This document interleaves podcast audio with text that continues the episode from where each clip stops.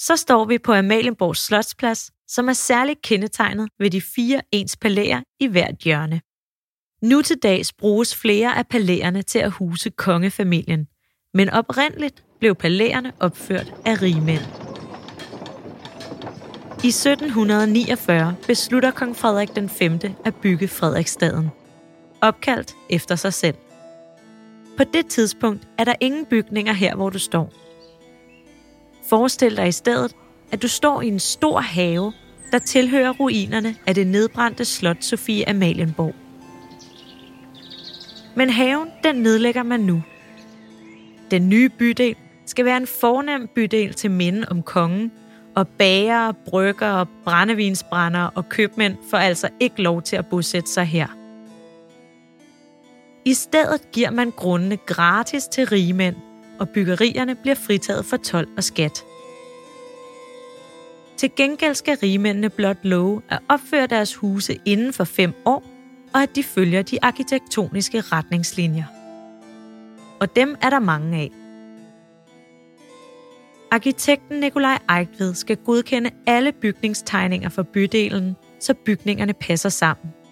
Der er mange regler for bygningernes udseende, som for eksempel, at vinduerne skal sidde lige højt på husene. På den måde sikres det, at bydelen bliver den fornemmeste i hele København. Centrum i den nye Frederiksstad bliver den her ottekantede Amalienborg Slotsplads, og de fire adelsmænd, der opfører palæerne, går med til, at facaderne skal være helt ens. En af disse adelsmænd er Adam Gottlob Molke, som er en nær ven af kongen og en af Danmarks mest magtfulde mænd. Han opfører Molkes Palæ, som i dag hedder Christian den 7. Palæ, og er kongehusets gæste- og repræsentationspalæ, hvor man også kan komme på rundvisning. Hvis man står med ryggen mod vandet, er det det palæ, som ligger væk fra vandet på venstre hånd. Palæet koster en formue. Molke får tidens bedste håndværkere og kunstnere til at udsmykke palæet indvendigt med forgyldte udskæringer, høje spejle, smukke malerier og kæmpe lysekroner. Palæets riddersal regnes for at være blandt de fornemmeste rokokorum i Europa. Udover det daglige liv og de ekstravagante fester, er Molkes Palæ også et sted, hvor beslutninger om Danmarks fremtid bliver truffet. Molke sidder i direktionen i Vestindisk Genes Kompani, som ejer plantager og slaver og har eneret på raffinering og salg af sukker i Danmark. Fra sit fornemme palæ i København bestemmer han altså skæbnen for slaverne, som arbejder sig ihjel for den rigdom Danmark og rigmændene nyder godt af. For mens Molke lever livet på den absolute top i København, så bliver slaveskibene ved med at ankomme til de dansk-vestindiske øer. Når skibet lægger til, bliver der hurtigt indrykket en annonce i lokalavisen og hængt plakater op, og folk kan møde op til aktion og se på varerne, altså slaverne. Slaverne, som har overlevet den umenneskelige tur over Atlanten, oplever nu, hvordan deres nye liv kommer til at se ud. Plantageejerne er fuldstændig ligeglade med, om slaverne er ankommet med deres familie og børn. De køber dem, de vil have, og sådan bliver mødre, fædre og børn skilt ad og spredt ud over øerne og plantagerne, uden mulighed for nogensinde at se hinanden igen. Slaverne skal arbejde hårdt under den brændende sol i plantagerne fra morgen til aften i op til 11 timer om dagen. Det hårdeste arbejde er, når der skal graves huller til plantning af sukkerrør. Så kommer høstarbejdet, hvor sukkerrørene skal skæres af og transporteres til sukkermøllen. Og arbejdet ved sukkermøllen beskriver en plantageejer sådan her. Arbejdet var farligt for slaverne, der let kunne få hånden mellem valsene, og møllen lod sig ikke stands. For dog at redde, hvad der reddes kunne, havde man en skarp økse hængende, med hvilken de andre slaver hurtigt kunne afhugge den ulykkelige arm.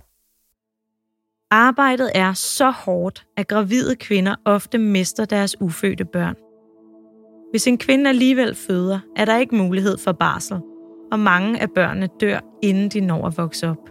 Samtidig er der mange både voksne og børn, som dør af sygdomme på øerne. Og slaveejerne ser det som deres ret at voldtage de slavekvinder, de har lyst til. De frygtelige vilkår får mange slaver til at begå selvmord eller prøve at flygte.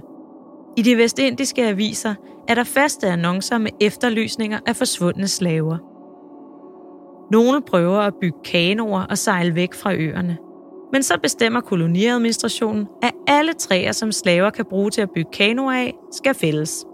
Andre flygter og lever i skjul i bjergene. Derfor afholder man maronjagter, som man kalder det, når man tager på jagt i junglen efter slaver, der er flygtet. Når slaverne bliver fundet, bliver de straffet og sendt tilbage i arbejde. Nogle får jernringen med pigge på om halsen, så de sidder fast i buske og krat, hvis de skulle prøve at løbe væk igen. Der er strenge regler for slaverne og strenge straffe for at bryde dem. En beretning fra plantagen North Star på St. Croix i 1830 fortæller om slaven Martin, der blev straffet med 24 slag med en kraftig kæp og sat fire døgn i plantagens arrest, fordi han mødte op på arbejde uden sin hakke. Og når slaverne møder en hvid mand til hest eller til fods, skal slaven gå af vejen og stå respektfuldt stille, indtil den hvide mand er gået forbi for at undgå at blive slået.